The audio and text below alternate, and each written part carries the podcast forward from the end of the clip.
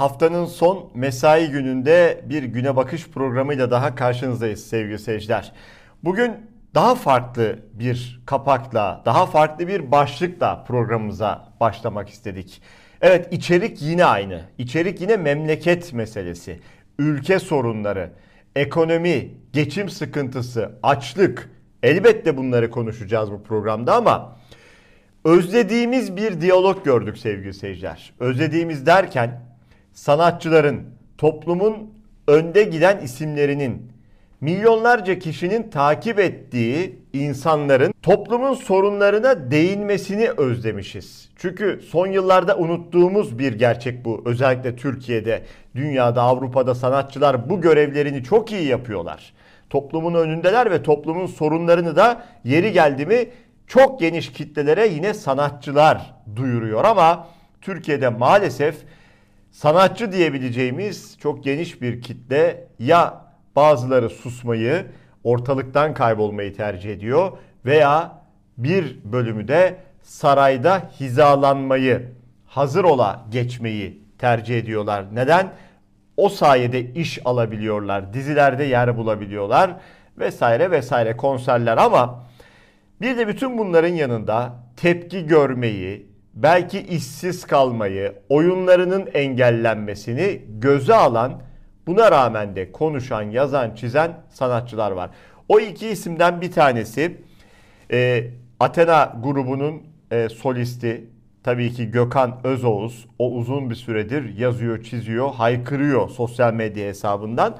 Gökhan Özoğuz yine bir şeyler yazdı. Bu kez ona cevap Şahan Gökbakar'dan geldi. Sosyal medyanın özellikle konuştuğu diyalog bu oldu sevgili seyirciler. Milyonlarca kişiye ulaştı bu diyalog. Çünkü her iki isminde milyonlara yakın takipçileri var. Gökhan Özoğuz şöyle yazdı. Ben demin 915 TL'ye bir depo motorin aldım. Bu memlekette artık 1000 TL'ye bir depo yakıt doluyor ve hala birileri çıkıp konuşabiliyor. Rezalet, rezalet, rezalet demiş büyük harflerle. Şu tek bir rezaleti alın aslında. Türkiye'nin bugün içinde bulunduğu durumu net özetleyen tek bir kelime. Ekonomi nasıl yönetiliyor diye sorun. Rezalet derseniz yeter sevgili seyirciler.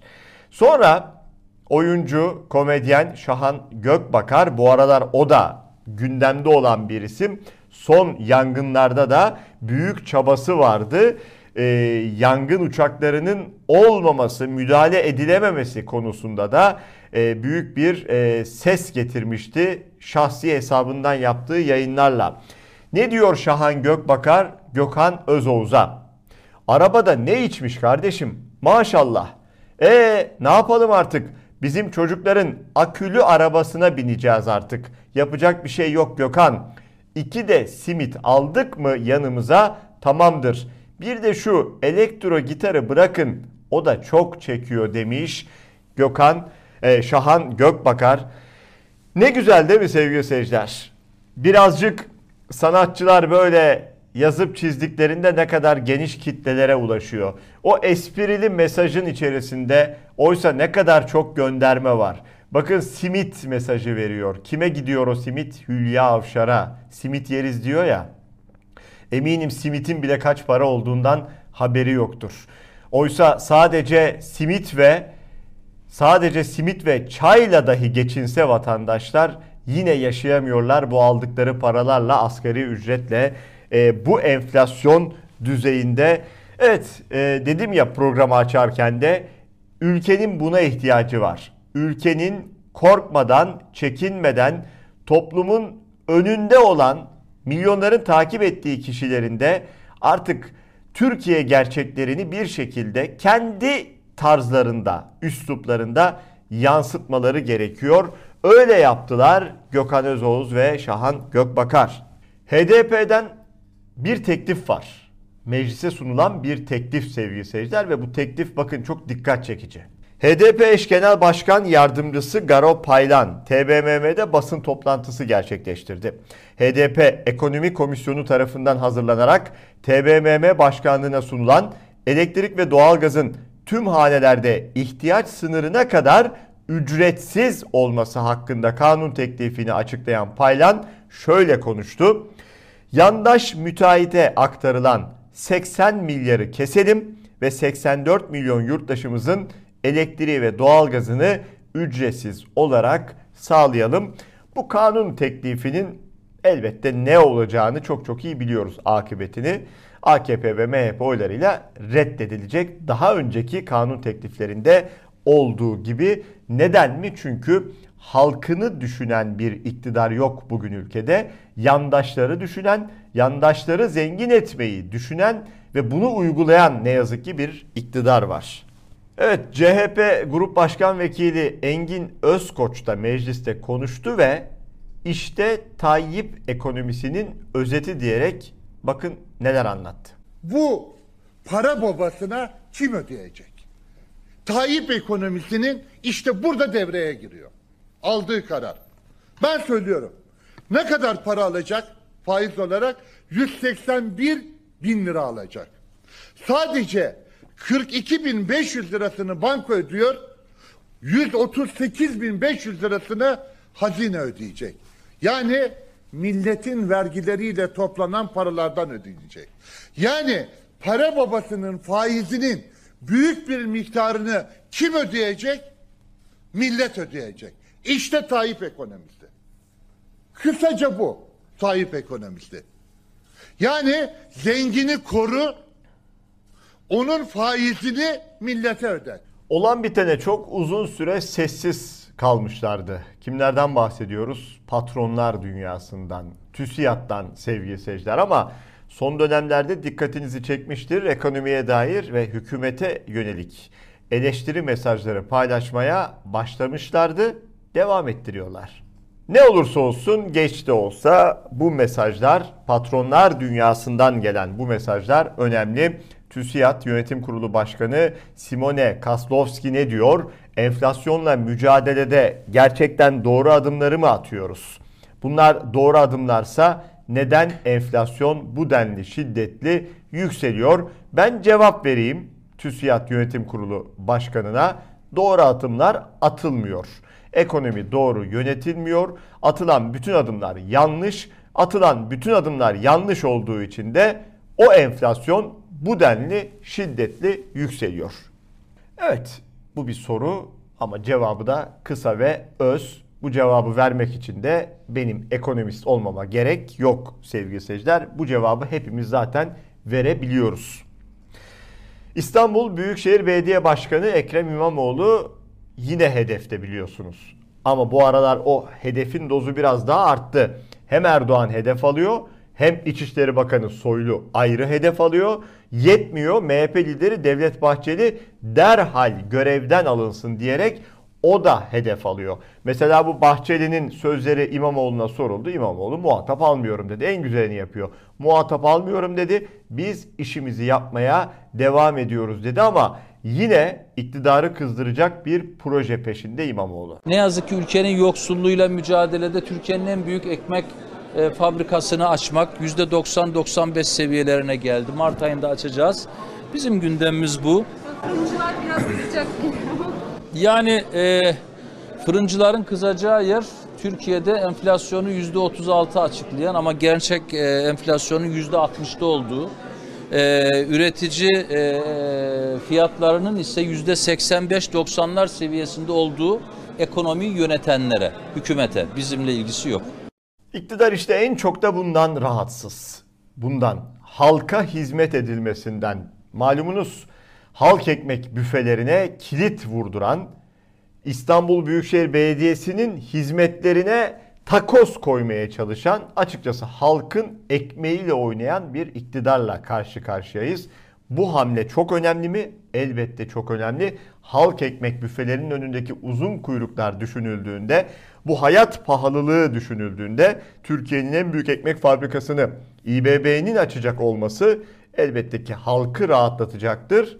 İktidarı da kızdıracaktır bu anlamda. Şimdi yurt dışından yani Türkiye dışından Hollanda'dan önemli bir haber ama Türkiye'yi çok yakından ilgilendiren bir haber. Bu haberi bakın Takvim gazetesi nasıl vermiş? Daha sonra ben düzgün bir şekilde bu haberi size aktaracağım. Haber Hollanda'da iki Türkiye kökenli e, kadının bakan olarak kabineye girmeleriyle alakalı. Şöyle yazmış. Koalisyon hükümetinde bir Türk ve diğer kökenli kadın bakan da yer alacak. Türk'ü anladık. Ben bunca yıldır bu mesleği yapıyorum. Diğer kökenli diyerek bir haber dili duymadım. Kökeni neyse yazarsın kardeşim. Yani yaz, yazmaya elin varmıyorsa bu haberi vermezsin. Olur biter. Ee, şöyle anlatalım isterseniz haberin e, o diğer köken dediği kimmiş anlatalım. Ankara'da 18 Haziran 1977 yılında doğan Dilan Yeşilgöz sevgili seyirciler. Dilan Yeşilgöz Takvim Gazetesi'nin diğer kökenli kadın bakan dediği kişi Tunceli doğumlu sendikacı bir babanın kızı ve mülteci bir geçmişe sahip. Yani Kürt bir bakan ve yıllar sonra o gün sığınmacı olarak giden ailenin kızı Hollanda'nın yeni güvenlik ve adalet bakanı. Diğer kadın bakan Günay Uslu sol liberal eğilimli D66 tarafından dışarıdan medya ve kültürden sorumlu devlet bakanı olarak atandı. Günay Uslu Afyonkarahisar'a bağlı Emirdağ ilçesi kökenli bir ailenin çocuğu. Amsterdam Üniversitesi'nde kültür tarihi üzerine doktora yaptı. 49 yaşında Günay Uslu Avrupa kültür tarihi mirası ve müzeler konusunda uzman.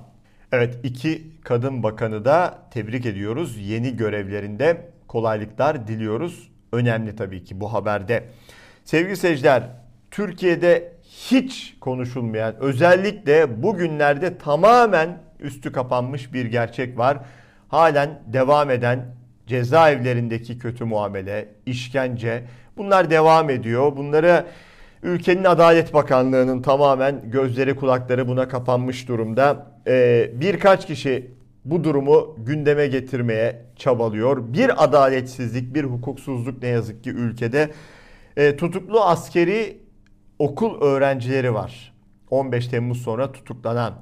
Onlar o dönemde her biri çocuktu. 18 yaşın altında 14, 15, 13 yaşında çocuklardı. Hala cezaevindeler.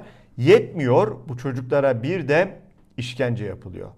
Arkadaşlar bugün bizim çocukların açık görüşü vardı. Kızım gitmişti. Az önce kendisiyle konuştum.